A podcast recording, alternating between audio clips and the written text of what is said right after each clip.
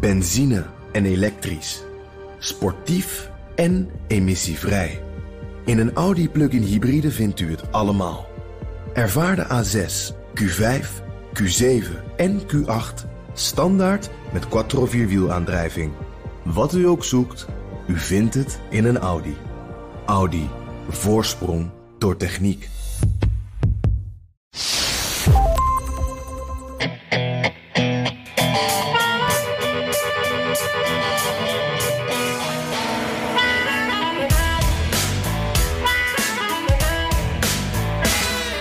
24 landen tegen elkaar opnemen op het EK voetbal, begon president Biden aan zijn eigen tour door Europa om juist samenwerking te bevorderen. Want op het internationale speelveld wil Amerika weer aanvoerder zijn. And everyone, everyone in that room today understood the shared appreciation, quite frankly, that America is back. Ja, dit was tijdens de NAVO-top, maar bij de G7 en ook bij de EU-top was de boodschap hetzelfde. Uh, verder hebben we het nog over het eeuwig hertellen in Arizona en de zoektocht daar naar bamboe. Dit is aflevering 81 van de Amerika-podcast. Ik ben Jan Posma vanuit Washington DC, weer oud en vertrouwd met een kopje koffie voor mijn neus voor het favoriete moment van de week. En ik ben Bernard Hammelburg vanuit New York uh, met een veel te slap bekertje gekochte koffie. Daar heb ik spijt van, Jan. Ja, ja, daar moet je nu een uur mee. Daar moet een uur mee. um, en, um, uh, maar wel even meteen maar melden, want dat is vers van de pers het nieuws van gouverneur Cuomo dat New York um, nu eigenlijk helemaal weer open gaat. Dat was bij jou in Washington, was het eigenlijk al het geval. Maar er kwam net een bericht, uh, een pushbericht van de New York Times, zo'n nieuwsflash, weet je wel, dat de, de laatste restricties voor theaters en bioscopen en dat soort dingen, dat die nu worden opgeheven. En wel per, ja. per onmiddellijk. Dus ook, ik, ik, ook met die slap koffie. Het is een feestelijk, het is een feestelijk moment. Ja, het is eigenlijk een beetje een moment voor champagne dan. Want, want alles is er nu af. Het is eigenlijk gewoon weer zoals voor uh, corona. Ja, in ieder geval dat, dat volgens weet, de regels. Dat weet ik niet, want in zo'n nieuwsflash... daar staat natuurlijk maar een paar regels. En, ja, ja en misschien, misschien dat bijvoorbeeld... Kijk, ze zijn nu alweer bezig met het verkopen van Broadway-kaartjes. Maar die Hmm. voorstellingen, die, die de eerste voorstellingen hebben gezien... die je kunt bezoeken, ja, dat is pas ergens in oktober of november. Uh, dat heeft niet alleen natuurlijk met COVID te maken... maar ook het feit met het feit dat zo'n productie maanden neemt om weer helemaal te starten. Dat, dat doe je niet van het een op het andere moment. Uh, maar of daar nu alle stoelen bijvoorbeeld kunnen worden verkocht, dat weet ik niet. Want je herinnert je misschien van die Broadway theaters. Ja, het is heel, heel uh, mooi en leuk om het mee te maken. Maar je zit tegen elkaar aangekneld. Het is bijna niet te geloven. En als je, ja, ja. En als je zoals jij een beetje lange benen hebt. Ja, dan moet je die eigenlijk over de schouders van je voorbuurman leggen. dus hoe ze dat oplossen, dat weet ik niet precies. Nee, precies. Ik moet ook meteen aan wat anders denken. Uh, dan kan je vast ook weer uh, voetbal gaan kijken in de kroegen. Dat lijkt me ook wel, uh, wel mooi. Dat kan hier in ieder geval al wel weer. Ja, hier ook hoor. Ah, mooi. ja, zeker. mooi. zeker. En nou ja. Zie, zie je wel eens wat oranje door de straten komen? Nou, nee hoor. Um, dat, dat beperkt zich tot uh, familie en vrienden. Uh, maar uh, kijken is het kijken natuurlijk wel. Um, en het tijdsverschil werkt vaak in ons voordeel. Dus die eerste wedstrijd die was van de week om negen uur s avonds. Nou, dat was drie uur s middags in New York. Dus dat ging prima. Ja, precies. En dan zit de familie Hammelburg in het oranje uh, voor de tv. Zit jij ook met een oranje shirtje aan, nee, Bernard? Nee, Jan. Waar zie je me voor aan? maar, maar het is wel zo dat, dat wij dus uh, voor de kinderen en voor uh, de kleinkinderen uit Nederland... die uh, oranje shirtjes meenemen. Sterker nog, toen wij hier, hier naartoe vlogen, mijn vrouw en ik...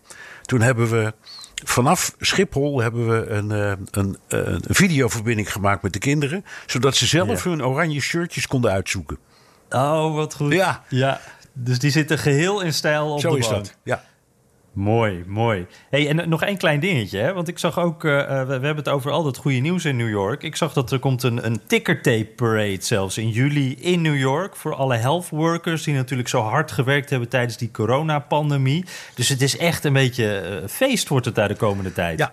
Uh, en dat is natuurlijk altijd een hele bijzondere gebeurtenis, zo'n tickertape.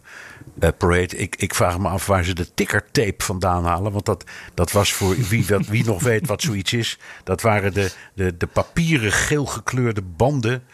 smalle banden die meeliepen bij een telexmachine. Dus daar tikte je op en dan gingen die letters die ontstonden doordat je op die op die tape kleine gaatjes Daar kwamen vroeger die pushberichten waar je het over had. Die kwamen daar binnen. Die kwamen daar binnen, precies. En dan, ja, maar dan, en dan, en dan, uh, uh, maar zo'n zo'n tickertape, dat is eigenlijk, het ziet eruit als je het vasthoudt als een soort braille ding. Zo moet je je voorstellen. Ja. Met allemaal gaatjes erin. En dat ging dan in die machine om af te spelen. Maar als, die, als dan die parade langskwam, meestal in het Wall Street gebied waar de straten smal zijn en die kantoren hoog, dan scheurde het kantoorpersoneel die, die gebruikte banden allemaal in kleine snippers. En dat, dat is nou tickertape. En dat gooiden ze naar buiten. Maar er is nu geen tickertape meer. Dus ik vraag me af waar ze het mee gaan doen. Ja, ja die moeten allemaal uh, hun e-mails gaan uitprinten en daarna verscheuren. En dan, uh... Ja, de, door de versnipperaar. Dat, dat, dat kan natuurlijk ook, ja. Precies. Nou ja, goed. In ieder geval uh, lekker positieve vibe uh, in New York en ook hier in Washington uh, trouwens weer hoor. Want wij krijgen bijvoorbeeld op de 4th of July ook weer vuurwerk. Dus het begint hier echt. nou ja, goed, we hebben het er al vaker over gehad. Het wordt allemaal weer meer normaal. Ja. Nee, Nederland trouwens ook, hè? moeten we er even bij zeggen. Bericht, ja, dat is Berichten uit Nederland zijn ook heel goed. Ja, gelukkig. Dus uh, allemaal positief. En, en daarmee maken we ook meteen even het bruggetje naar uh, Europa. Uh, want daar gebeurde het nieuws deze week als het om Amerika ging. Um, of het nou in Groot-Brittannië is, het land van de Special Relationship natuurlijk, of bij de G7, de NAVO-top of de EU. President Biden die wilde het eigenlijk wel van de daken schreeuwen. Na vier jaar Trump en America First is Amerika nu terug. Uh, en ik moest, uh, Bernard, de afgelopen dagen vaak uh, terugdenken aan de G7 in Canada in 2018. Dat weet jij ook nog, hè? Toen, toen Trump boos eerder wegging. de slotverklaring wilde hij niet ondertekenen. En, en je had ook die bekende foto daar met Merkel... die zo over een tafel heen hing richting Trump. En Trump die zat met zijn armen over elkaar. keken, ze keken allemaal heel gespannen. Het was echt spanning en sensatie. Nou, toen zat ik uh, naar deze toppen allemaal achter elkaar, te kijken. Uh, dat, dat was dit jaar heel anders. Ja, het was compleet anders. Uh, het was af en toe, om maar een mooi Nederlands woord te gebruiken, een beetje over de top, Jan. Uh, vond ik wel hoor. Want de, de, de nadruk bij, bij ongeveer elke tweede zin was: America is back. En, uh, mm. en Biden neemt het, het, het leiderschap op zich. Um, maar hij heeft eerlijk is eerlijk erg zijn best gedaan. Uh, want je kunt erbij zijn en je kunt een mooi verhaal houden. En je kunt stimuleren en enthousiasmeren en je armen om uh, andere leiders heen slaat, wat, wat, slaan, wat hij veel heeft gedaan. Maar hij heeft ook erg veel moeite gedaan om landen die echt riepen om extra aandacht, om die apart nog even te nemen in de wandelgangen. Bijvoorbeeld de Baltische Staten, bijvoorbeeld Polen, dat zich erg zorgen maakt over de defensieachterstand die ze hebben. En zij liggen tenslotte heel dicht bij Rusland. Um, uh, ja, uh, Roemenië, een land waar je ook niet meteen aan denkt in deze context. En wat het ten onrechte is, want dat is natuurlijk ook gewoon een lid, zowel van de EU als van de NAVO. En hij heeft dus erg veel moeite gedaan om met die landen te praten. Hij heeft veel tijd genomen om met Erdogan te praten. Uh, mm -hmm. hè, dat is het op één na grootste NAVO-lid. Ehm, dus ik, ik moet zeggen, hij heeft erg zijn best gedaan.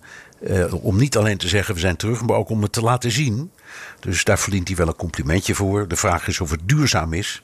Want ja, de Fransen bijvoorbeeld, die, die zeggen ook steeds in de wandelgangen, maar ook eigenlijk wel hardop. Maar ja, ja, dan moet maar dit gebeuren. En uh, deze president en dit regime, zal ik maar zeggen, wordt weer weggevaagd. En waar, en waar zijn we dan? En waar zijn we dan? Hè? Dus, dus bijvoorbeeld ja. Macron en ook Merkel wel hoor. Die zeggen we hebben wel een beetje onze les geleerd. En of het nou NAVO is of G7 of alles. We moeten veel als Europa veel meer op eigen benen staan. We moeten niet meer helemaal ja. afhankelijk willen zijn van, uh, uh, van de Verenigde Staten. En nog even, je had het over uh, die slotverklaring van vorige keer die uh, Trump niet wilde ondertekenen. De slotverklaring van deze uh, Jan. Um, die heb ik omdat ik nu eenmaal journalistiek geweten heb, maar helemaal, maar helemaal door zitten lezen. Maar dat was Sisyphus arbeid, want hij is 79 paragrafen lang. Hele lange paragrafen. Het is bij wijze van spreken een vuistdik ding. Uh, waarin alle mogelijke onderwerpen worden besproken.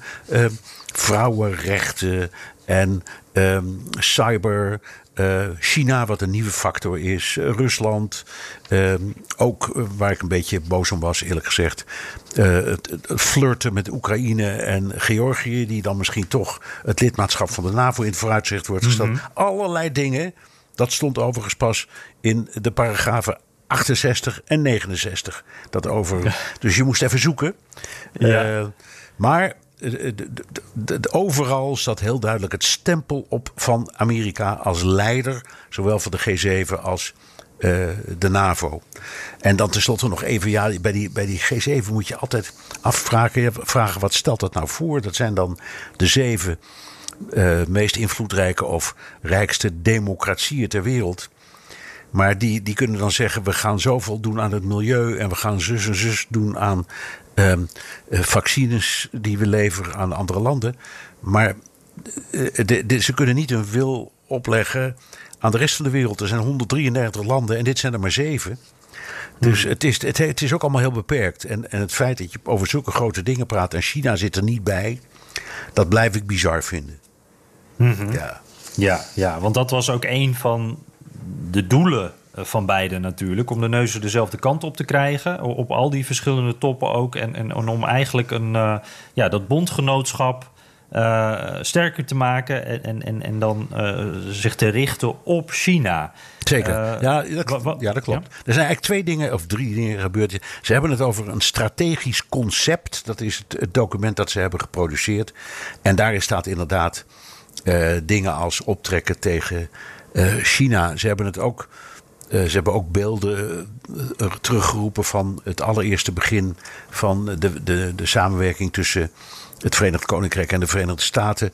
Toen, toen destijds Roosevelt en Churchill naar Newfoundland in Canada zijn gevlogen om daar ja. Ja, een document te ondertekenen. Nou, die, die, dat is allemaal weer opgepoetst, dus dat is symboliek. Ja, maar in dit geheel. De Atlantic Charter. De Atlantic Charter. Maar in dit geheel um, is, uh, zeggen we, de factor China nieuw.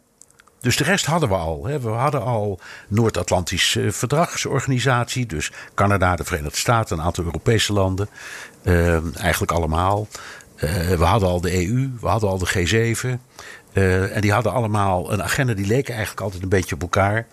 Maar er is nu echt veel meer nadruk op milieu, cyber. Dat is echt een groot punt. En wat jij al zei, China. Dus China aanwijzen als belangrijke tegenstander die we moeten aanpakken. En niet alleen Rusland, maar ook China. Dat, dat, dat staat er met koeienletters en vele malen in. Ja, daar kun je van alles over denken. En je ziet dan ook dat, er, dat die eenheid een beetje schijn is. Omdat ja, Macron en Merkel vinden dat dat met China best meevalt.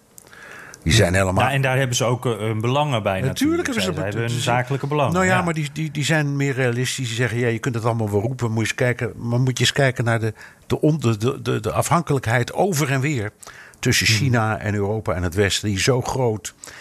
Dat kun je niet allemaal zomaar met een schakelaar omzetten. Um, en ze vinden ook eerlijk gezegd ze, hebben, ze zijn niet zo boos, zal ik maar zeggen. De, de, Amerikanen zijn veel bozer op China dan heel veel Europese landen. En een heel, bijvoorbeeld, heel belangrijk voorbeeld: um, het eerste deel, of het eerste Euro Europese land dat. Uh, echt meedoet aan die, dat, dat Belt and Road Initiative, die, mm -hmm. hè, die, uh, die, die nieuwe verbinding, de zijderoute, de, zijde, ja, de, de, nieuwe zijderoute uh, vanuit China helemaal naar Rotterdam, zeg maar de, het eerste land dat echt gewoon feitelijk meedoet is Italië. Dat, dat, dat, um, dat daarin is gestapt.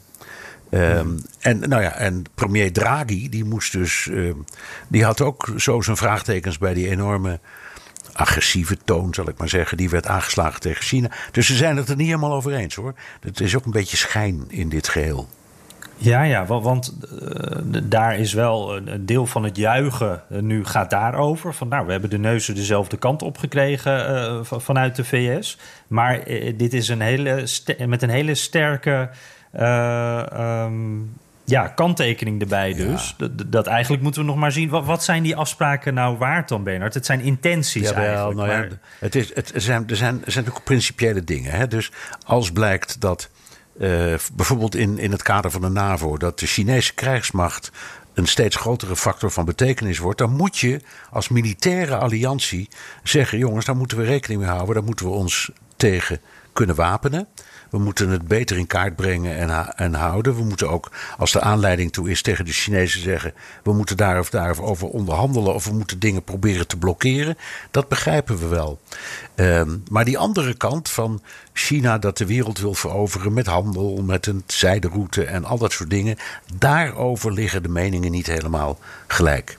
Maar nogmaals, China is in deze hele context een nieuwe factor. Die heeft er in het verleden eigenlijk nooit ingezeten. Rusland daarentegen wel. dus wat, wat dat betreft. Uh, ja, is, is, is het gemakkelijker. En daar is het andersom. Uh, wat Rusland betreft is Europa weer wat bozer. En Amerika weer wat minder boos, zou je kunnen zeggen. Uh, En dus was het, om jouw woorden te gebruiken, heel belangrijk om die neuzen een beetje dezelfde kant uit te krijgen. Al is, als je onder de oppervlakte kijkt, kijkt uh, ja, het, het, het klinkt allemaal mooier dan het in werkelijkheid is. En de soep wordt niet zo heet gegeten. Maar je zou, je zou kunnen zeggen, misschien wel de belangrijkste factor hier. Um, is het feit dat ze met zoveel enthousiasme, en dat was droperaf, bij elkaar waren. En eh, konden zeggen voor wat het waard is en voor zolang het duurt. Maar deze Amerikaanse president, die kunnen wij letterlijk en figuurlijk omhelzen. Want dat doet hij met ons ook. ja. ja dat heet hij inderdaad. Dat, uh, hij zocht met iedereen even lichamelijk uh, ja, contact. Dat... Op een bepaald moment wilde hij zelfs Queen Elizabeth eventjes de juiste kant op duwen. Ja, dus dat. U, u, u, u, doet maar aan mijn moederen denken. Ja, precies. Hoe krijg, je het uit je mond? Maar oké. Okay. Ja, ja, ja. ja, hij wilde een beetje jong lijken, denk ik, Biden. ja. Hey, maar Bernard, jij, noemde net ook iets, uh, en je noemt nu dat enthousiasme, maar daarvoor zei je ook, uh, uh, ja, er is ook wel wat twijfel bij de, de, de bondgenoten. Want buiten Amerika wordt ook gedacht, ja, Biden, je kan wel zeggen dat Amerika terug is, maar wij zien wat er op dit moment in Amerika ook gebeurt. Hè? Er, er, worden nog stemmen geteld, daar komen we later ook nog even op. er zitten weer midterms aan te komen, verkiezingen. Uh, straks zijn er presidentsverkiezingen. Nou, dan doet die Donald Trump misschien gewoon, uh, gewoon wel weer mee. Dus ja, wat als jij Joe Biden die verkiezingen verliest? Trump komt weer terug. Uh, wat moeten we dan? Het is ook allemaal maar tijdelijk. Heeft hij wel iets van die eh, want je noemt enthousiasme. Heeft hij dan ook iets van die twijfel kunnen wegnemen, denk je? Of blijft hij toch ook een beetje onder voorbehoud en voorzichtig? Ik denk dat laatste. Ik denk dat laatste. Omdat dit zijn natuurlijk allemaal routiniers. Uh, die, de vele daarvan lopen al heel lang mee. Angela Merkel, uh, Mark Rutte, om er maar één te noemen. Het zijn allemaal mensen met, die, die hebben heel, heel wat politieke vlieguren. Uh, en die hebben veel meegemaakt en die verschuivingen ook voortdurend. Dus ja, het is zoals de, die, die oud-premier van Italië zei. Als er in, in Arizona of in Georgia of in een van die staten een paar duizend stemmen de andere kant op gaan de volgende keer, dan is dit verhaal weer afgelopen. en en ja. daar zit wat in. Aan de andere kant. Uh, je moet ook niet te cynisch zijn. Biden zit daar, hij is president. Dat is hij in elk geval voor vier jaar. Dus ook als hij de tussentijdse verliest en als hij allerlei tegenslag krijgt en als de Trumpisten hem maar blijven eh, plagen, dan nog is hij gewoon de president van de Verenigde Staten. Ja. Uh, en je moet praktisch en realistisch zijn, daar gaat het om op dit moment. En, ja, en, ja. en, alles wat je nu aan besluiten neemt, daarom is zo'n dik slotdocument misschien ook wel een beetje begrijpelijk. Alles wat je nu op de rails zet, krijg je niet meer zo snel van die rails af. Dus het is wel goed dat ze het zo hebben gedaan. Maar je hebt helemaal gelijk hoor. Twijfel zat. Ja, ja, en als je naar Trump uh, luistert, uh, die verwacht geloof ik dat hij in augustus gewoon weer president is. Hè? Dus op dat punt uh, ja. moeten we dat ook maar even ja, dus die, dan is, die, nee, dan, dan, is die, die, die waarnemer die de verkiezing heeft gestolen, die is gewoon weer weg. ja. ja. Hey, en als wij elkaar spreken, uh, de, de, dan moet Biden nog uh, met Poetin praten. Dit is dan even de handicap van deze aflevering. Uh, dat we nu een wedstrijd een beetje gaan analyseren die nog gespeeld moet worden. ze gaan in Genève met elkaar praten. verwachtingen, nou ja, zijn volgens mij best wel laag. Hè? Tenminste, dat is mijn inschatting. Witte Huis die heeft het over... wij willen een voorspelbare en stabiele relatie. Uh, nou, dat lijkt me het minimale. Uh, ze geven na afloop geen gemeenschappelijke persconferentie. Dus, nou ja, dat zegt... Uh, ik ben benieuwd wat jij denkt dat dat zegt. Wat, wat, wat verwacht jij hier nou van, van nou, die top tussen die twee? Dat laatste is inderdaad een, een soort van symbool voor wat zich afspeelt. Um, die, die uitdrukking voorspelbare en stabiele relatie, dat is iets wat, wat Poetin trouwens ook heeft gebruikt. Um, en daar is wel wat voor te zeggen. Want je, je kunt zeggen, we hebben over heel veel kwesties enorme problemen. Over die, eh, ik zeg maar, die cyberaanvallen op Amerika, het beïnvloeden van verkiezingen, het verspreiden van, van nepnieuws. Ehm, het, het vasthouden, want dat, is een, dat speelt in Amerika enorm, van een paar van spionage verdachte uh, Amerikaanse burgers. Ehm, de kwestie Navalny. Ehm, en, en, vooral natuurlijk de kwestie uh, Krim en Oekraïne. Nou, dat zijn allemaal dingen. Mhm. Sommige daarvan kun je oplossen. Hè? Als Poetin een goede bui heeft of denkt: ik zie een kans om te scoren, dan kan hij bijvoorbeeld één of twee van die uh, van spionage verdachte Amerikanen vrijlaten. Zou die zo kunnen doen? is geen, mhm. geen grote moeite, zou helpen. Um, Zo'n kwestie als van Navalny, daarvan zal hij zeggen: uh, daar komen jullie weer. Uh, het is een interne uh, aangelegenheid. Rot op, letterlijk. Ik denk dat hij het zo gaat formuleren. Dus zoals die, die bestorming van het kapitool, precies. waar hij ook al even. Ja, precies. hij, zei, dat, hij zei: daar ga ik ook niet van alles over vinden en zeggen. Dat is jullie hmm. kwet, los het maar op. Wij lossen onze dingetjes op en jullie lossen jullie dingetjes op. Um, dus die doe ik niet. Maar er zijn andere dingen. Je kunt een lijstje maken van dingen waar ze het wel over eens zijn. Dat is. Uh, de noodzaak om op een fatsoenlijke manier door te onderhandelen over ontwapening. Hè? Hmm. Ik noem maar iets. Het startverdrag. Het startverdrag, nou, dat zijn hele belangrijke dingen. Je kunt misschien um, uh, uh, kijken, dat zou ik doen, zeg ik steeds, als ik Biden was. je kunt tegen Poetin zeggen: luister, ehm, wij weten dat al die cyberaanvallen en die rottigheid komt allemaal bij jullie vandaan. En uh, jij bent niet gek en ik ben niet gek. Jij weet net zo goed dat, als ik dat dat waar is.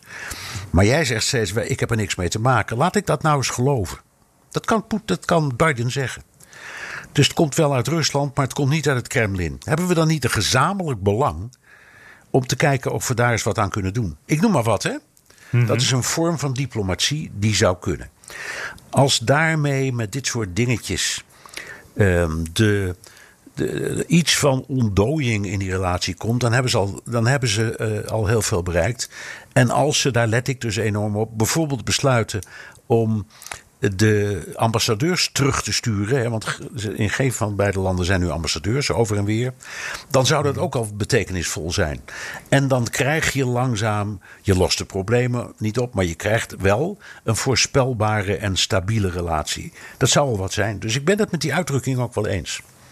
Mhm. Maar uh, Poetin is de sleutel daarin, toch? Want die, is juist, uh, die wil juist uh, chaos. Die, die wil niet dat voorspelbare. Dat is zijn hele spelletje eigenlijk. Jawel, maar hij moet ook kijken naar um, zijn eigen economie.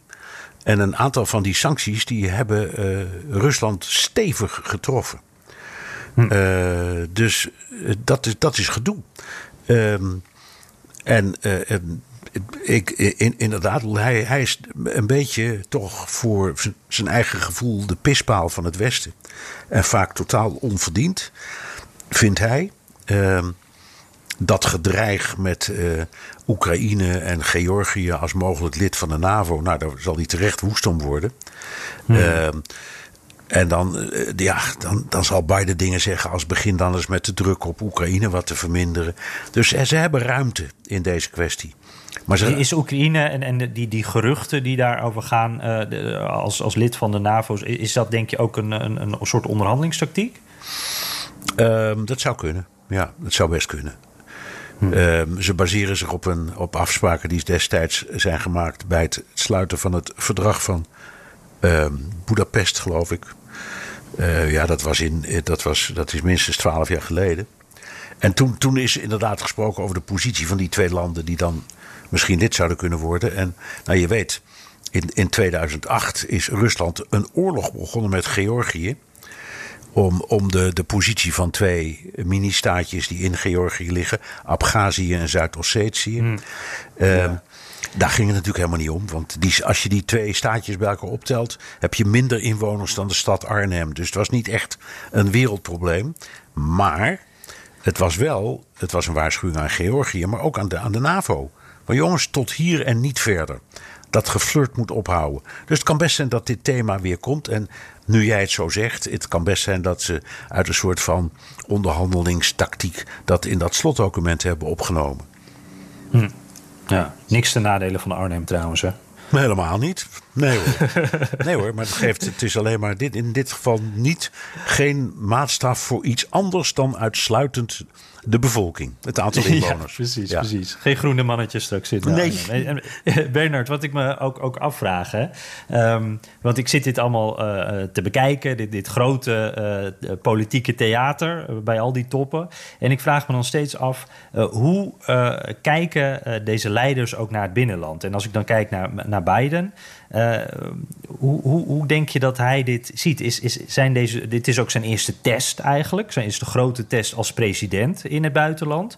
Uh, denk je dat hij uh, ook eigenlijk misschien... Ik heb wel eens het vermoeden dat hij nog meer kijkt naar wat de gevolgen binnenland zijn. Hoe er hier in Amerika wordt gereageerd op wat hij doet. Dus ook wat de, de optics zijn, hoe het eruit ziet. dan wat het uiteindelijk zo'n zo'n top oplevert. Hoe zie jij dat? En gelijk heb je Jan. Dat is natuurlijk waar. Oh. Het is altijd... Het is altijd nou, dat ging makkelijk. Ja, maar dit, nee, maar het is altijd zo. Um, um, je, je kunt zeggen dat al, al, al, alle geopolitiek, zeker voor Amerika, is altijd in het kader van het binnenlands beleid. Um, het, het is voor een land als Amerika uh, heel belangrijk om geen militaire uh, gevaren te lopen. Dus om dingen als uh, bewapening, maar ook cyber, om dat onder controle te houden. En om dat samen met de bondgenoten te doen, is heel belangrijk. Om aan te wijzen wie je verdenkt van mogelijke misdrijven, is ook heel belangrijk. Maar het hmm. bericht aan de Amerikaan is: ik doe er alles aan om jouw leven veiliger te maken en, en te houden.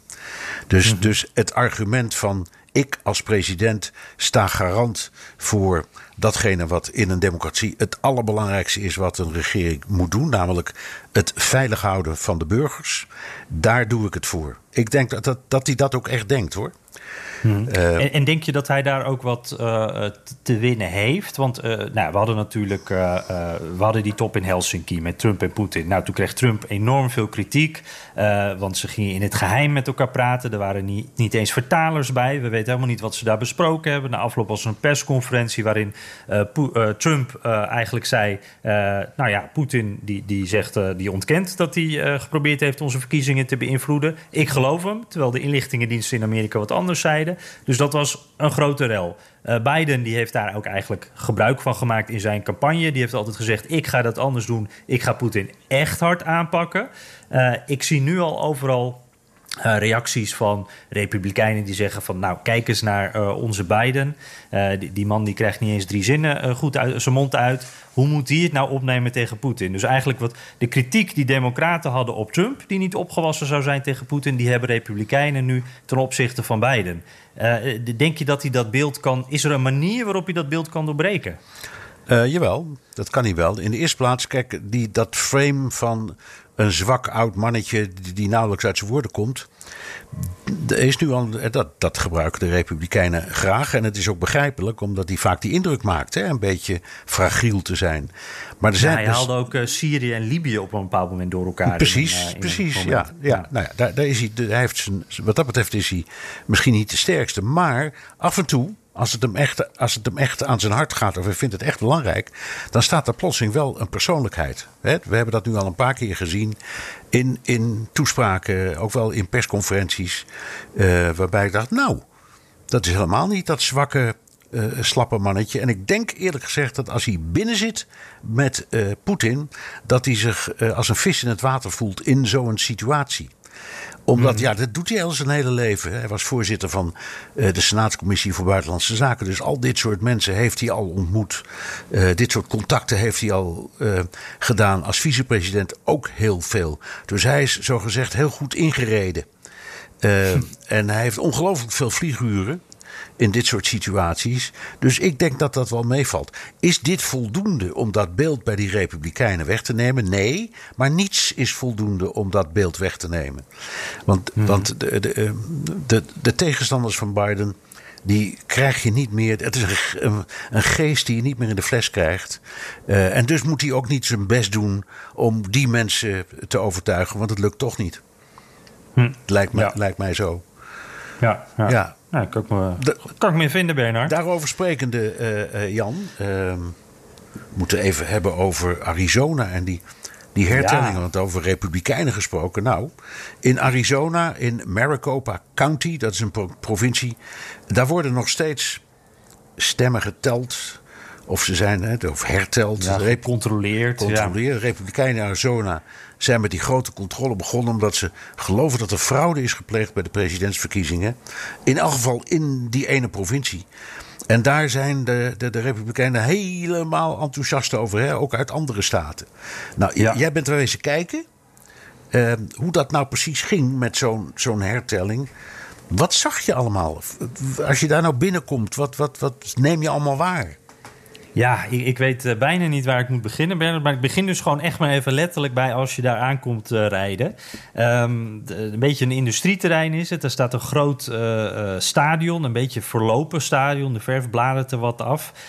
op, de, op de plek waar ze normaal de, de State Fair houden. Ehm, en nou ja, ik ging daar dus een, kijkje nemen. Ik had een afspraak gemaakt. Voor de Telegraaf heb ik daar een, reportage over gemaakt. En meteen als je daar dan de auto uitstapt, dan is daar beveiliging. Eh, eh, die, die, begeleid je ook. Je mag dan naar binnen, eh, dat stadion in, wat verder helemaal stil is. Dan zie je vanaf, het, vanaf de tribune, zie je op dat... Ja, wat normaal een basketbalveld is. Daar staan allemaal vrijwilligers die zijn er aan het werk. Er staan allemaal tafeltjes met verschillende kleuren. Eh, een deel, eh, toen ik daar was, was nog aan het tellen. Nou, daar zijn ze sinds een, eh, een paar uur zijn ze daar nu dan klaar mee. Maar dan gaan ze nog steeds door met het inscannen van alle stembiljetten. Het controleren van al die stembiljetten. Daar is allerlei apparatuur voor. Er hangen UV-lampen, die op dat moment niet in gebruik waren trouwens. Maar er wordt op allerlei manieren wordt dus daarna gekeken. En als eh, eh, eh, media sta je dan dus daar op, op, de, in, ja, op de perstribune eigenlijk. De plek waar normaal de sportpers dus zit. En er staan hekken tussen ons en, en dat veld in. Want je mag daar echt absoluut niet naartoe. Eh, en eh, eh, als je even naar de wc wil, dan moet je ook, word je meegenomen door een van de state troopers. Waarvan één trouwens tegen mij zei van, nou, zo, zo, hoe eerder dit voorbij is, hoe beter. Want die was er wel echt helemaal klaar mee. Ze staan er al wekenlang dit te beveiligen. En ja, er gebeurt daar verder niet zoveel natuurlijk. Even, zijn gewoon even, even, tellen. even een Ja. vraagje tussendoor. Wat, is- wat is de, de juridische grondslag om als vrijwilligers ergens stemmen willen hertellen... om de politie ehm, ertoe te verplichten om dat te beveiligen? Ja, eh, ze zijn bang voor eh, aanslagen. Daar komt het eigenlijk op neer. Ze zijn bang dat iemand kwaad wil doen. En ze zijn bang dat er gema- gemanipuleerd gaat worden. Ja. En, en, en dat is natuurlijk iets, eh, da- daar raken we een beetje de kern van alles. Trump die suggereerde op een bepaald moment ook dat hij was ingebroken. Eh, dus dat we die hele hertelling, eh, nou dat loopt ook weer. eh, ze proberen ons aan alle kanten tegen te werken. En dat is ook wat ze hier eh, dus zeggen. Du- Dus er staan hekken en politieagenten die staan eromheen. eh, want ze willen niet iedereen daar binnen hebben. En eh, om even aan te geven hoe ver dat gaat, dat gevoel van ze proberen ons tegen te werken. Eh, een van de eerste dingen die de organisator tegen mij zei was: Kijk, er lopen allemaal kabels. Eh, nou, er stonden twee grote zwarte kasten in het midden, twee servers. Met inderdaad allemaal gekleurde kabels die daar naartoe liepen. Hij zei: We hebben hier geen wifi. Want wifi kan je onderscheppen. Dat vertrouwen wij niet. Dus alles gaat hier via de kabel. Want eh, wie ons ook wil tegenwerken, dat staan we gewoon niet toe.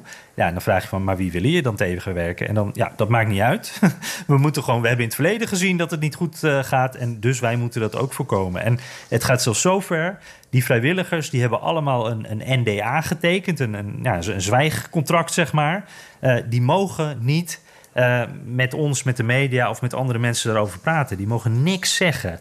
Dus het is gewoon compleet afgesloten daar. Je zit erbij en toch kan je geen contact met die mensen En, maken. en, dus, en in feite, ze laten je naar iets zien zonder dat je enig idee hebt wat er nou precies gebeurt. Dat, dat houden ze allemaal eh, geheim. Waarom? Want je zou, ik Ja. zou zeggen, dat is een soort van ja, boerenlogica. Ehm, als ik met zo'n project bezig ben en er zit een journalist op een tribune, dan zou ik een woordvoerder heen sturen. En dan zou ik zeggen: Jong, ik ga je even uitleggen wat we hier precies doen. Je mag, het, Ja. je mag het niet filmen of je mag er niet met je neus bovenop. Maar ik ga je wel even uitleggen wat we doen en waarom we het doen. Ja. En ik krijg, van jou Nou, de, ik krijg van jou de indruk dat dat dus helemaal niet gebeurt. Nou, dat, dat, dat uh, want daar, wat jij nu omschrijft, dat is wel hun tactiek hoor. Want er komt wel een woordvoerder, die komt die tribune op. En die heeft ook echt een half uur de tijd genomen om met me te praten. Heeft alle vragen beantwoord. Dus daar heb ik uh, niks te klagen over. Uh, maar wat, dan een beetje het, het, het, trucje ook wordt in zoiets natuurlijk. deze meneer is, is de, de persman, deel van de organisatie. Maar hij is bijvoorbeeld niet onderdeel van Cyber Ninja's. En dat is het bedrijf dat is ingehuurd om deze controle uit te voeren. Um, dus, uh, en hij is ook niet onderdeel van. Uh, nou ja, het is wel een republikein en hij maakt informeel wel uit van die, uh, deel uit van die republikeinse delegatie daar, maar formeel niet. Dus elke keer als hij een vraag uh, krijgt waar hij niks mee kan of waar hij geen zin in heeft, dan kan hij zeggen: Ja, maar ik werk niet bij Cyber Ninja's of ik ben niet uh, van de, de Republikeinse Senaat, dus ik kan deze uh, vragen niet beantwoorden. En heel vaak heeft hij ook wel een antwoord, maar dan is het een heel lang antwoord, wat ja, behoorlijk ontwijkend is. Um, dus er wordt wel de schijn van transparantie gewekt. Je kan erbij komen, alleen nou, om, je even een voorbeeldje te geven. Een, uh, een, een uh, collega-journalist van een lokale krant in Arizona, Arizona Central is, is de site. Um, die volgt dit dossier. En die, die zit dus al vanaf het begin steeds vanaf die tribune te kijken. Elke keer spreekt zij ook met die woordvoerders van wat zijn jullie nu aan het doen? En ze zei van ik doe dit al, al weken. Ik snap nog steeds niet helemaal wat ze doen. Want ze, ze leggen het me wel uit, maar dingen veranderen steeds. Uh, je krijgt steeds een andere uitleg. Sommige dingen willen ze gewoon niet vertellen. Uh, dus uiteindelijk, uh, nou, die telling is nu klaar. die controle gaat nog door dus, maar die, die, telling is klaar. En nog steeds weten ze niet helemaal wat nou de bedoeling is... wat nou precies de procedures zijn. En ze zegt, ja, daar ga ik ook niet meer achter komen. Nee. En, en zij heeft dus uren met die woordvoerder ja. gesproken. En, en, en je, je komt er dus ook niet achter. Wat, wat, laat ik het heel simpel zeggen. Wat onderzoeken ze nou eigenlijk? Ja, ja. Nou, en dat, was, dat vond ik ook wel mooi. Want de manier waarop uh, die, die collega daarachter probeerde te komen... Uh, zij had een fotograaf bij zich met zo'n hele mooie spiegelreflexcamera. En uh, die zoomde dus heel ver in op de computerschermen... Die, die wij dus van een afstandje konden bekijken. En dan kon je dus zien wat er gescand werd... waar naar op gelet werd op zo'n pagina. nou, die, die plaatjes die legden ze dan voor aan die woordvoerder... en die moest dan uitleggen waar ze naar keken. Bijvoorbeeld, ze kijken dan... er zit een bepaald randje... Uh, om een uh, stembiljet. Ze kijken of dat randje klopt. Of dat inderdaad zoveel millimeter afstand van, uh, van het papieren randje heeft. Of dat klopt. ze kijken ook bijvoorbeeld... ja, een poststem bijvoorbeeld. zit daar, heeft daar een vouw in gezeten? Want als er geen vouw in een poststem zit... ja, dan heeft hij niet in een envelop gezeten. Dan klopt er iets niet natuurlijk. Um, ze kijken ook of uh, dat, dat, vakje wat ingekleurd moet worden, uh, is dat helemaal perfect ingekleurd? Nou, dan zou het wel eens machinaal gedaan kunnen zijn. Dan zou dat erop kunnen wijzen dat dat uh, fraude is. en nou ja, dat gaat dus heel ver. We hebben het hier al eerder over de bamboe gehad. Ja, die bamboe. Natuurlijk... bamboe wat, ja. wat was dat dan ook alweer? ja, ja, dat ging over die, die stembiljetten die uit Azië gekomen zouden zijn, uit China of Korea. Uh, nou, valse stembiljetten dus, die, of, of, nou, misschien die vooraf ingevuld zouden zijn. Uh, en omdat die dus uit uh, Azië komen, zou daar bamboe op te vinden zijn. Nou, dat zijn ze ook nog steeds aan het controleren. Dan zitten ze met een hele scherpe camera, scannen ze dat in... en dan kijken ze naar bamboeresten. En ik vroeg hem daar ook naar van, doen jullie dat nog steeds? Ja, dat doen we nog steeds. En toen vroeg ik hem, waarom dan? Want ja, je kan een enorme lijst maken met alles wat je maar kan, kan je controleren. Maar dit, dit is natuurlijk niet het eerste waar je aan denkt bamboeresten. En toen zei hij van, uh, ja, nee, daar heb je gelijk in. Ik verwacht ook niet dat we bamboe gaan vinden, maar het is belangrijk dat we het uit kunnen sluiten. Ja. En toen vroeg ik hem nog een keer, maar er moet toch een reden zijn, je kan alles wel uit willen sluiten. Er moet toch een reden zijn dat je naar bamboe gaat zoeken. Hebben jullie een aanwijzing? En toen kwam het er eigenlijk uiteindelijk op neer, dat, dat was dus zo'n moment dat hij zei van, ja, dan moet ik je doorverwijzen. Ik weet niet waarom dit op de lijst staat. Dat is eigenlijk best een goede okay, vraag. En degene die hebben doorgewezen, dus de, de Senaat in Arizona. Of ja. die ninja's, hoe heet het, die, die het onderzoek... De cyber ninja's. De cyber ninja's. Ja. Die spreken dus niet met de media. Want je zou kunnen nee. zeggen, laat dan de opdrachtgever of de uitvoerder er even bij komen... en het zelf ja. komen uitleggen, maar dat doen ze dus niet. Nou, die, die hebben in het verleden wel met de media gesproken natuurlijk, maar, maar die kiezen hun momenten. En uh, ik heb er echt alles aan gedaan, met name om uh, uh, iemand van die cyberninja's te spreken. En dat is gewoon, ja, die, die willen gewoon niet. Nee. Dus die zeggen, wij hebben een woordvoerder. Alleen die woordvoerder, en die, die woordvoerder heb ik dus gesproken van de organisatie. Maar die zegt dus, ik spreek niet namens die ninja's. En zo kom je in een soort cirkeltje terecht, ja. waarbij er aan de ene kant transparantie is. Want je krijgt toegang tot informatie, maar niet tot alle informatie. En ja, ik, ik, ik, weet je, het is ook als je kijkt wat, wat experts hierover zeggen, de mensen die normaal gesproken dit soort controles doen, audits heet dat, waarbij alles, er wordt geherteld, maar er wordt ook alles wordt gecontroleerd. Uh, ook de software bijvoorbeeld. Die experts die dat normaal gesproken allemaal doen, die, daar zijn een heleboel van die zeggen: ja, maar dit zijn uh, amateurs die dit doen. Bijvoorbeeld die cyberninja's, die hebben er helemaal geen ervaring mee, dat bedrijf. Dit zijn vrijwilligers, die hebben er ook geen ervaring mee. Uh, dit zijn ook, nou ja, dat, zijn allemaal republikeinen, dus die hebben er ook belang bij dat er iets gevonden wordt. Dat is ook gevaarlijk. dus het zijn eigenlijk allemaal uh, een soort van alarmbellen uh, die daarbij afgaan. Van, van hier, wat hier gebeurt is niet professioneel. Ze zeggen bijvoorbeeld de, de procedures worden steeds veranderd. Nou ja, dat zorgt ervoor dat ook in de loop van de telling en de controle de uitslagen, de uitkomsten anders worden. Ja, dat is natuurlijk heel, heel gevaarlijk. Dat, dat kan eigenlijk niet. Ja. En er is niet genoeg controle op de mensen die controleren. Dus dat is ook een probleem. En ik heb ook wel gezien, ze hebben zo'n. Ja, het is echt een, een soort uh, lopende bandwerk eigenlijk. Waarbij dan een paar mensen aan een tafeltje heel snel aan het tellen zijn. En dat formulier gaat dan via een, een draaicirkeltje gaat dat rond over de tafel. Een uh, lazy Susan noemen ze dat. En uh, nou, één persoon zet het papier erop, een andere persoon checkt het, een andere persoon checkt de andere kant. En dat, dan gaan ze door naar de volgende. Dat gaat in zo'n tempo en die mensen doen dat uren achter elkaar. Dus als leek denk ik dat daar maak je heel snel fouten bij. Precies. Dus het lijkt me bijna logisch dat we een andere uitslag gaan krijgen dan ja. uh, wat het oorspronkelijk ja. was. Hey, en ondertussen is het een enorm PR-circus voor de Republikeinen. En er is zelfs teltoerisme. Ja, ja, ja, het is. Uh, uh, laat ik eerst eens even beginnen met, met een uh, voorbeeldje. buiten dat, dat stadion daar staat een, stond een partytent met allemaal spandoeken eraan. wat pro-Trump boodschappen ook. En die mensen die, uh, uh, nou, er was het langsgaand verkeer moest daar even naar toeteren. Dat was hun idee. Ze hielden wat omhoog en uh, ze waren dus aan het demonstreren voor deze controle en voor Donald Trump ook eigenlijk. Ook al was Trump niet heel nadrukkelijk aanwezig op de spandoeken. dus daar wilde ik wel even mee praten. Dus ik vraag aan ze van, joh, wat doen jullie hier? ik ben van de Nederlandse pers. nou, heel af, afwijzend meteen. En uh, de eerste persoon die ik het te pakken had, die zei in eerste instantie wel van... ja, ja, leuk. Uh, oh, was je binnen? Ja, ik was ook binnen. Ik was aan het tellen. Toen dacht ik, oh mooi, dan krijg ik toch nog een teller te spreken. Toen werd ze door iemand anders naar achteren geroepen van... Uh, nee, daar mag je niet mee praten hoor, je hebt die NDA getekend. Toen kwam ze terug, ja, nee, sorry, ik kan er niks over zeggen. Maar goed, die mensen, die zitten daar dus de hele dag eigenlijk te protesteren. En dat zijn elke dag andere mensen die daar zitten. die zijn er enorm mee bezig. Er was er eentje, die was helemaal uit Tennessee gekomen. Uh, wat toch echt wel een eindje rijden is uh, naar uh, Phoenix, Arizona. en die zei van ja, ik ben hier gewoon een paar dagen. Ik wil hier bij zijn. Ook al kon hij dan niet naar binnen. Hij wilde gewoon ja, het gevoel hebben dat hij, dat hij bij deze, nou, volgens hem geschiedenismakende bijeenkomst was.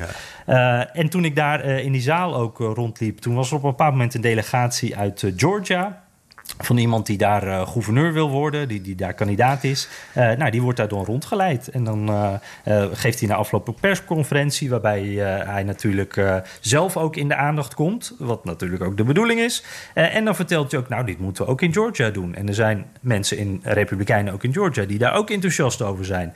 En zo is er een delegatie uit Pennsylvania en er was er iemand uit New York. en zo zijn er inmiddels bijna dagelijks delegaties uit verschillende staten waar uh, Trump de verkiezingen niet heeft gewonnen.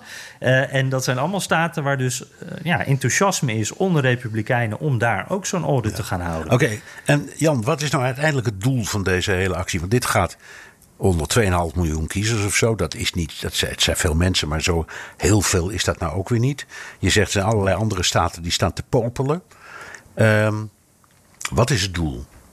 Ja, ja. En, en het is, uh, hier wordt het natuurlijk uh, een beetje tricky, want dat is maar net wat je politieke kleur is. Het beeld dat ik ervan heb, is uh, dat, dit, dat dit een circus is. Dit is een manier om argwaan over die uitslag te bevestigen. Met het idee van wij controleren alles, maar ook hoe langer die controle duurt, hoe meer Trump-supporters of mensen die daarna neigen zullen denken... nou, waar rook is, is vuur, uh, zie je wel. Anders dan waren ze hier al lang klaar mee geweest. Uh, hier is iets aan de hand. nou ja, we hebben net al geschetst dat, dat het, de methodes... niet betrouwbaar worden gevonden door de experts. Ik denk, nou, dat, is, dat lijkt me een probleempje. Dus daar gaat iets uitkomen wat waarschijnlijk net anders is dan de originele telling. Um, en daarbij zoeken ze dan of kijken ze naar dingen ja, die volgens hun verdacht zijn. En er zijn al heel wat dingen voorbij gekomen waarvan zij dan zeggen dat is verdacht. En waarvan experts dan zeggen nee, dat is niet zo. Of je moet het anders interpreteren. Uh, het gaat ook over hele schimmige dingen. Uh, dan wordt er beweerd, en dat kan ik natuurlijk niet controleren. Maar dan wordt er beweerd dat er s'nachts om drie uur ergens uh, allerlei gegevens uit hun server zijn gehaald. Nou, dat zou dan iets zeggen. Ja, ik, ik, als, als leek kan je dat natuurlijk niet beoordelen. En ik denk dat nou ja, als we het hebben over waar rook is, is vuur, dat veel republikeinen die nog steeds teleurgesteld zijn over die uitslag, dat die zullen denken: zie je wel. En daarmee wordt dus die mythe dat Trump nooit heeft verloren, die wordt verder ondersteund. Ja, ja. nou ik heb nieuws voor je. Hij heeft gewonnen hoor. Maar dat, dat leg, ja, leg, ik nog, leg, ik nog, wel eens uit. Uh, maar weet je, Bernard, ja. als ik nog één dingetje, even een kleine nuance daarbij ook. Uh, want die, die voorlichter, of die, die, die woordvoerder moet ik zeggen, uh, die zei wel van hier gaan dingen verkeerd bij die verkiezingen. Hier zijn in het verleden, hij noemde al een voorbeeld uit 2008. Nou, toen zag ik, zei hij, dat hij twaalf mensen op een, stonden ingeschreven op een stukje braakliggend terrein. Dat is een voorbeeld van ja. dingen die hier verkeerd gaan. Is ook zo. Nou, dat, dat is moeilijk zo. te controleren. Ja, ja maar dat soort dingen gebeuren natuurlijk. En ik wil toch even gezegd hebben dat ik, en jij ook, uh, weet ik, dat we dat soort dingen niet erg vinden. Dat moet je natuurlijk controleren. En dat is alleen maar goed. Tuurlijk. Alleen uh, op een bepaald moment, als je dus zonder reden gaat controleren op bamboe, uh, ja. nou ja, dan is er volgens mij echt wat nee, anders dan, dan is er een, Dan is er zo gezegd, volgens mij toch in je hersens een printje los. Maar oké, okay, het, het, het, het kan allemaal gebeuren. Ik, ik, er is nog iets wat ik me afvraag. Gesteld ja. nou dat de, dit hele circus uitwijst dat Trump in uh, deze provincie wel degelijk heeft verloren. Of zeg jij nee, het is uitgesloten. Uh, dit is alleen maar om aan te tonen dat hij heeft gewonnen. Want als, als, ze, uh, nou, zo, als ze zo zorgvuldig te werk gaan als ze zeggen, ja, dan kan er ook uitko iets uitkomen wat ze helemaal niet willen. Ja, precies. Ja, nee, ik heb hem dat uh, ook gevraagd, die woordvoerder. En die zei, uh, die, daar gaf hij dus een heel ontwijkend antwoord op. En uh, we willen gewoon alles controleren. En, en als dat is gebeurd, dan is de uitslag voor ons geslaagd. Ja. Maar ja, en, en het, ik, ik ben eventjes, uh, dat is even stom, ik ben eventjes vergeten hoe groot het verschil ook alweer was in Maricopa County. Maar uh, ik weet in ieder geval wel, het verschil uh, waarmee Biden heeft gewonnen is veel groter dan het verschil wat normaal gesproken naar boven komt met hertellingen. Ja. Dus het zou, dat, dat zou verbazingwekkend zijn. Maar ik denk dat het meer zit dus in, in die voorbeelden van, nou, we hebben een, gezien dat er iets van de service is gehaald om zo laat. Er wordt ook gezegd dat er allemaal uh, stemmen missen. Uh, nou ja, dat soort wat vagere dingen waarvan je als leek ook niet meteen kan zeggen: Oh, dat betekent dit. Uh, ja, ik, ik, denk dat het, dat het daarop uit zal draaien. Ja. Dat het dat soort moeilijke verhalen zijn die natuurlijk nog een heel lang leven uh, kunnen gaan leiden, omdat ja, je daar als leek gewoon niet duidelijk van kan zeggen: Oh, dat klopt of dat klopt niet. Nee. Oké, okay, Jan, laten we naar de luisteraarsvragen gaan. Ja, ja. Ja, precies. Want ik was wel weer erg lang aan het praten. Hè. Um, oh, mooi verhaal, even kijken. Ja. nou, mooi. Gelukkig. Dat jullie nog niet in slaap zijn, beste luisteraars. Want uh, Reinoud Sterk die had een vraag. Die zegt... Uh, de afkeer van het socialisme en communisme... ligt diep verankerd in de Amerikaanse volksaard. Ook in jullie podcast komt dat geregeld voorbij. Ik kan me voorstellen dat de kruistocht van McCarthy... daar destijds aan heeft bijgedragen.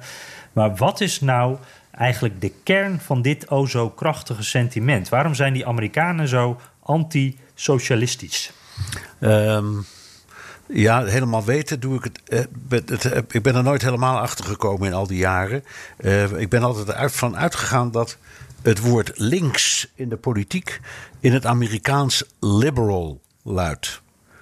En voor mij is dat is een soort graadmeter, want dat betekent dat in de hersenen kun je niet verder naar links denken dan liberaal. Liberaal is al heel erg links.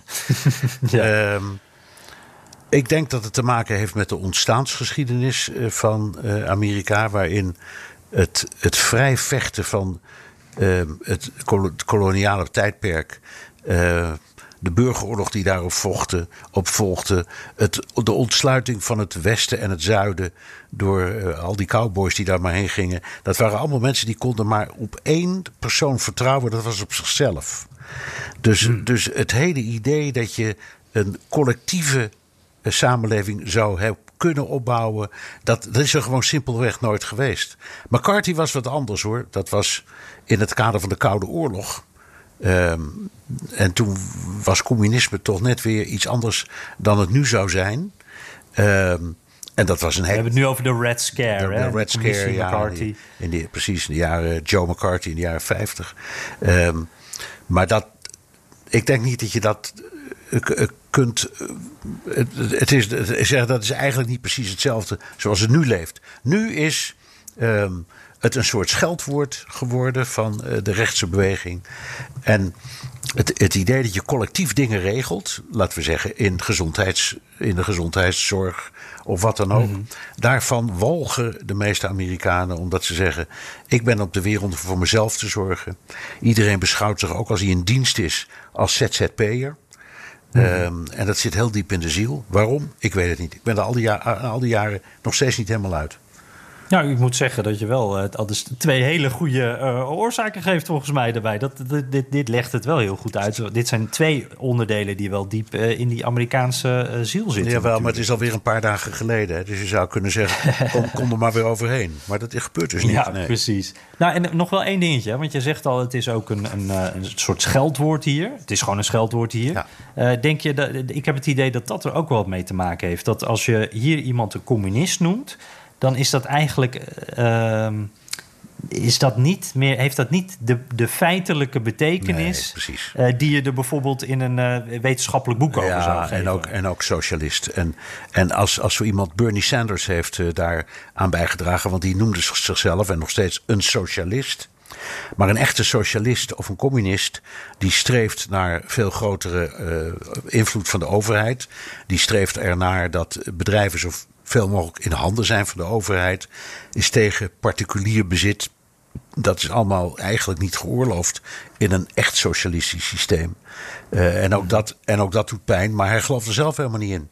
Want als je hem hoort praten over arbeidsvoorwaarden of over de mogelijkheden voor het bedrijfsleven, ja, dan, is het, dan is hij het tegendeel van een socialist. Dus het is ook schijn. En zoals jij zegt, dit soort woorden hebben een, een lading en een betekenis gekregen die niet echt klopt.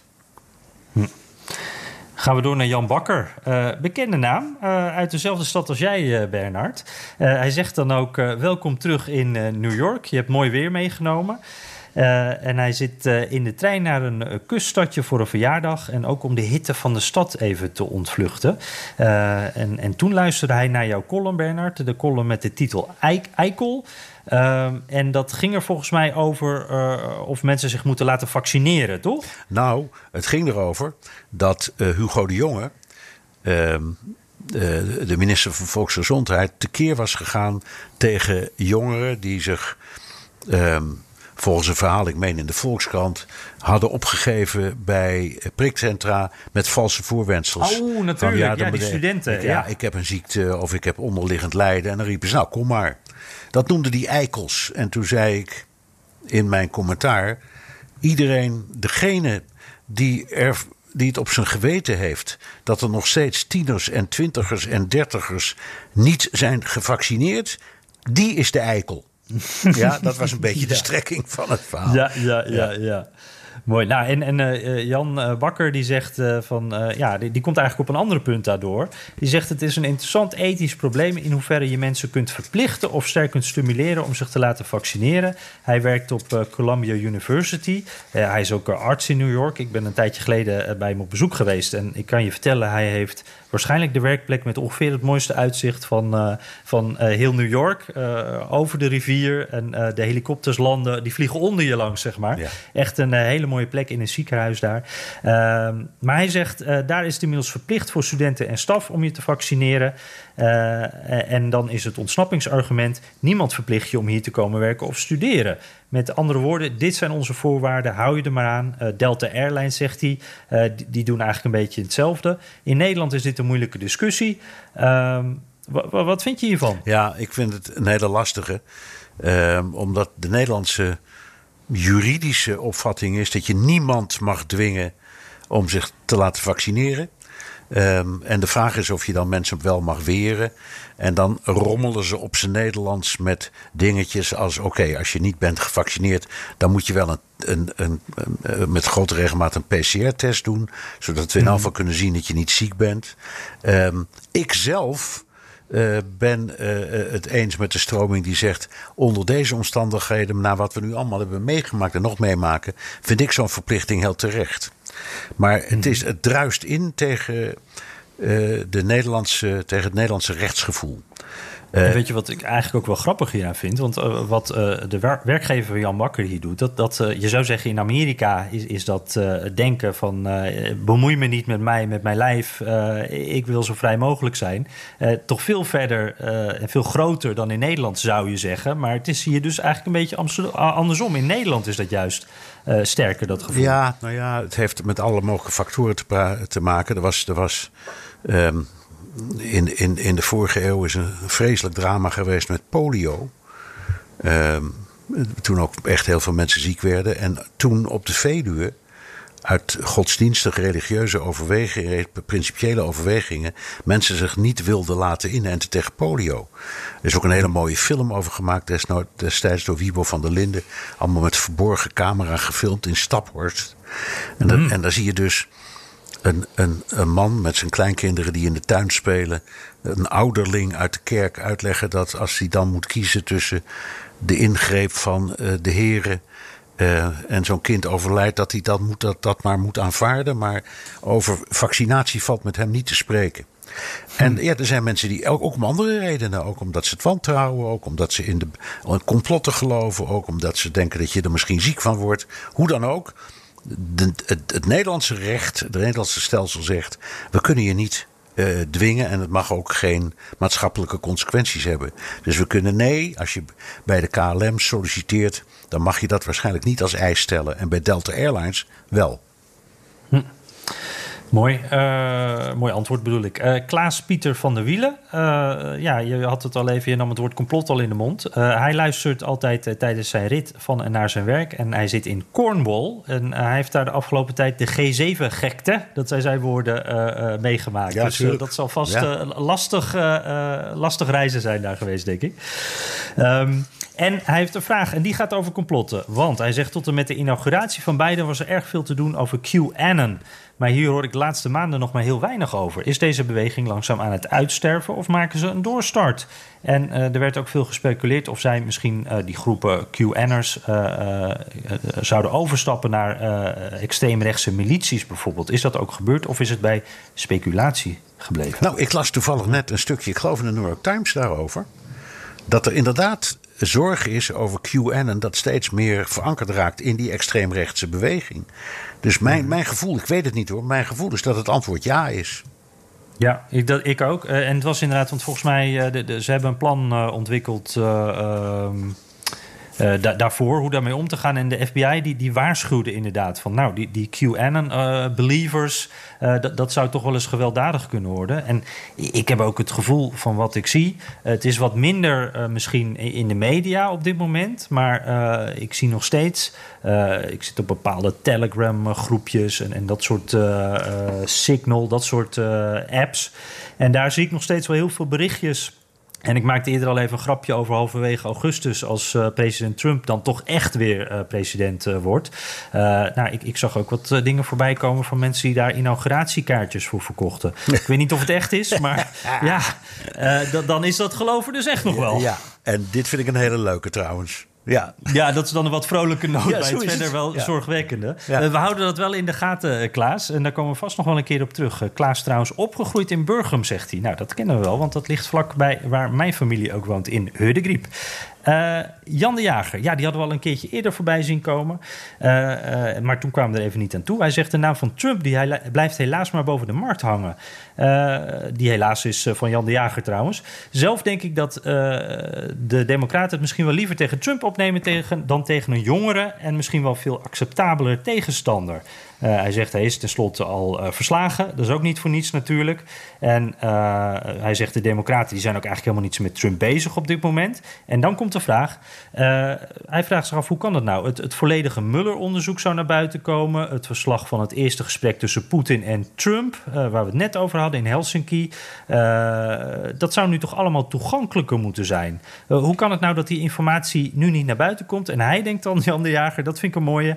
wachten ze nou tot het echt van pas komt. ja, dat laatste betwijfel ik. ik. Ik heb geen idee. Er zijn altijd procedures voor. Uh, bij diensten, dus in Nederland ook. Dus politieonderzoek, FBI-onderzoek. Uh, zolang het nog loopt, en in dit, deze gevallen loopt het allebei nog, hè? het is nooit afgesloten. Uh, mm -hmm. Dan mag je er verder niet zoveel over naar buiten brengen. En als de eenmaal is afgesloten, dan is er een termijn die moet verstrijken voordat het wel mag. Uh, dus ik denk dat het gewoon te maken heeft met het feit dat de meeste van deze onderwerpen, dossiers, nog gewoon actief zijn. Ja. Ja, en we hadden ook uh, afgelopen week was er nieuws, ik weet de details niet meer, maar dat ging over een, uh, een zaak met een, uh, een, mevrouw die had een boek geschreven en die beweert dat Trump haar aangerand heeft. Ja. Uh, en uh, nou, toen heeft uh, justitie eigenlijk het op zich genomen om Trump als president te verdedigen. nou, daar, daar speelde een rechtszaak over. en, en toen was eigenlijk ook de conclusie dat ook justitie onder Biden uh, eigenlijk die verdediging uh, hetzelfde standpunt inneemt. En dat is denk ik ook wel een. Ja, ik vat het nu wel een beetje kort door de bocht samen. Maar wat ik daarmee bedoel te zeggen, dat is volgens mij ook wel een voorbeeld dat in sommige gevallen uh, zal ook de beide regering kijken naar wat is belangrijk voor de positie, voor de functie zeg maar, van president, voor het presidentschap. Ja. En, en dan, ja, dan wil je ook geen presidenten scheppen. Nee, dat klopt. En in dit geval zou je kunnen zeggen dat het ministerie van Justitie van Joe Biden tot op zekere hoogte de kant van Trump heeft gekozen. En gezegd, als er al verantwoordelijkheid is over deze opmerking, dan berust die bij de regering als instrument, maar niet bij Trump persoonlijk. Mm -hmm. Dat vond ik wel apart. Ja. ja. Ja, het is niet wat je verwacht, nee. maar daarbij wordt dan wat meer, denk ik, langer termijn gekeken dan naar uh, de situatie nu met Trump. En uh, uh, nou ja, ja. dat democraten allemaal wel niet zouden willen doen natuurlijk, maar wat ze dan dus op dit moment niet doen. hey, om even nog, we kunnen er nog net eentje pakken. Henno McDaniel. Uh, luistert ook elke week, gelukkig. En hij praat dan ook nog vaak na met zijn zoon Jitse. Uh, groetjes Jitse. En uh, zijn moeder, ook trouwe luisteraars. Jeetje. Ja, heel goed. Drie, drie generaties. Ja, mooi, ja. mooi, mooi, mooi. Dat, uh, dat telt lekker door. Afgelopen keer uh, hadden jullie het over de wetswijzigingen die de Republikeinen in verschillende staten willen doorvoeren. Uh, een van die wetswijzigingen dat je op veel plekken moet legitimeren als je wil stemmen. En nou ja, hij zegt dan hoe, hoe, dat voor veel minderheden in Amerika een probleem is, want dat kost veel geld, wat ze vaak niet hebben. en dan vraagt hij zich af, waarom geeft de regering Biden niet gewoon een gratis legitimatie? Ja, ik, ik zou zeggen, vraag het. Bel het Witte, ja, bel het witte uit. Dat is wel een goed idee. Ik weet het antwoord niet. Het klinkt heel logisch. Nee. Ja. Misschien heeft het te maken met het feit dat Amerika niet zo een land is van het voor niks verstrekken van dingen. Ja, met uitzondering van het vaccin, dat moet ik eerlijk zeggen. Maar ja, in het algemeen ja. worden in dit land niet zo snel dingen weggegeven. uh, en het maken van een legitimatiebewijs, iemand heeft het wel eens uitgerekend, dat kost geloof ik um, aan kosten, kosten zijn iets van tussen de 4 en 5 dollar. Uh, dus als je die weggeeft, nou, dan betekent dat het op kosten gaat van de belastingbetaler. En dat kan dan weer niet federaal, dat moet per staat. Dus hoe regel je dat dan weer? dus ik weet gewoon het antwoord niet. Maar ze doen het niet. Terwijl ik, terwijl ik vind dat Henno volkomen gelijk heeft. Als ze daar, ja, nou, is, als ze daar nou eens mee ja. zouden beginnen. Ja, het is echt een heel goed idee. Ik moet wel ook meteen denken, want jij legde net al uit de, het argwaan richting overheid, een grote overheid. Nou ja, als de overheid hier gratis ID-kaarten gaat uh, verstrekken, waardoor het ook dus minder ja, verplicht wordt dan om zo'n ID-kaart zo'n beetje te hebben. Ik denk dat daar ook nog wel wat argwaan is. Ja, ja maar nou ja, en, en, en, en denk nog even aan um, de, de, die hele discussie over, over identificatie. Die gaat veel dieper. Hè? Omdat bijvoorbeeld de staat New York vindt dat er helemaal geen reden is om je te identificeren als je stemt. Ze moeten gewoon op, hmm, op je woord ja. af kunnen gaan. Dat, dat, vinden wij ook ja. krankzinnig. Ja, dat is raar. En eh, dat is raar. ik vind het krankzinnig en ik, ik, be- ik begrijp het ook niet helemaal. Maar nog één dingetje. Ehm, Ja. Er is eh, vlak na 9-11 in de discussie over de, de beveiliging van het land zelf een, een idee gekomen om een landelijk rijbewijs in te voeren. Nu, Hmm. nu heb je dus per staat of sta- een, een rijbewijs. Dus jij hebt waarschijnlijk een, wat heb je? Ja, Washington. Ja, Washington DC. Ik heb een New York rijbewijs. Eh, dat, die, die, die, die lijken een heel klein beetje op elkaar. He- vroeger, vroeger, en misschien nu nog in sommige staten, zat ook daar geen foto op. Hè? Kun je je bijna niet meer voorstellen. Maar het is echt- Hmm. Nee, het is wat heb je er dan aan? ja, dat, maar het is echt zo. Groene kaarten, dus verblijfsvergunningen, hadden vroeger ook geen foto. Dat was alleen maar een stukje papier, een stukje groen papier. Dus, dus eh, ja, ehm, de opvattingen daar, daarover zijn heel eh, breed. Maar toen dat voorstel kwam voor een gezamenlijk rijbewijs, nou toen was het land te klein, joh. Ik, ik, dat, ja, dat- dat- dat- het stond- stond op het punt om rellen over uit te breken. dus dan heb je een idee. Bernard, het is, Ja. het is soms echt, de, de, de, als het gaat om eh, het vastleggen van je identiteit en wat de overheid daar wel en niet van mag weten, ik vind dat echt lachwekkend. Ze moeten hier in, in bochten wringen. Je moet je soms, je, je moet soms Toen ik een rijbewijs aanvroeg, moest ik bewijzen met drie verschillende poststukken dat dat inderdaad mijn adres was. Dat kan je in Nederland toch niet voorstellen? Ja, zo is het. Ja, ik vind het ook krankzinnig. Maar goed. Ja. Hey, en ik, ik, ik nog één dingetje eraan toevoegen. Want we hadden ook eh, Kees de Weert nog. eh, die eenzelfde soort vragen had. Dus die stelde ook voor gratis ID-kaarten. Nou, nogmaals, een goed idee, eh, Kees. En die zegt dan: eh, eh, Ik woon tegenwoordig in Maleisië. En hier is een identiteitskaart gratis. Eh, enkel een paspoort ge- eh, kost geld. En hij zegt: Is er in Amerika dan geen legitimatieplicht op straat? Nee. En dat weet ik eigenlijk. Nee, Nee. dat is er niet. Nee. Ik had geen idee. Nee, Nou. is er niet. Nee. Nou, dat is lekker makkelijk.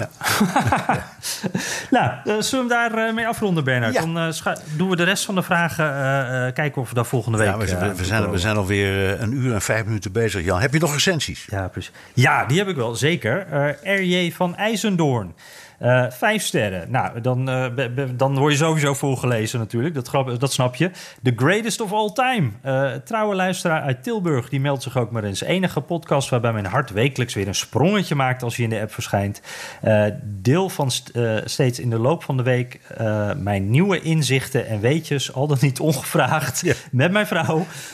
Bedankt voor jullie deskundigheid, prettige stem en grote kennis. Zo ben ik iedere week toch een eh, het- oh, so- sorry, die lees ik even verkeerd. Zo ben ik iedere week toch een uurtje een beetje daar. Leuk. Nou, Ja. mooi. En dan nog eh, Egbert. Geen recensie, maar wel een involle vermelding. Want we hoorden net Maleisië, dat is heel ver weg. Maar hij luistert vanuit Kathmandu, Nepal. Zo. Dus eh, nou, ik weet niet wie dan de afstandsbokaal wint van deze twee, wat nou echt verder weg is. Maar ik vind dat in ieder geval de meest Nou, exotische bestemming Ja, van en, deze. en Egbert zit in afval op de hoogste locatie van alle. ja, precies. Op hoogtestage. Ja. Die wint het van ons allemaal. Oké, terugluisteren kan via de BNR-site, Apple Podcast of Spotify. Heb je vragen, opmerkingen, kritiek of complimenten... dan kan dat ook met een tweet naar Jan Postma USA of BNR De Wereld. Of heel ouderwets met een mailtje naar dewereld.bnr.nl. Ja, en luister je vanaf eh, grote hoogte in eh, Kathmandu bijvoorbeeld, eh, of vanuit Maleisië, Amerika of veel verder weg, gewoon lekker gezellig in Nederland. Laat het ons weten, vinden we altijd mooi. En dan spreken we jullie volgende week weer.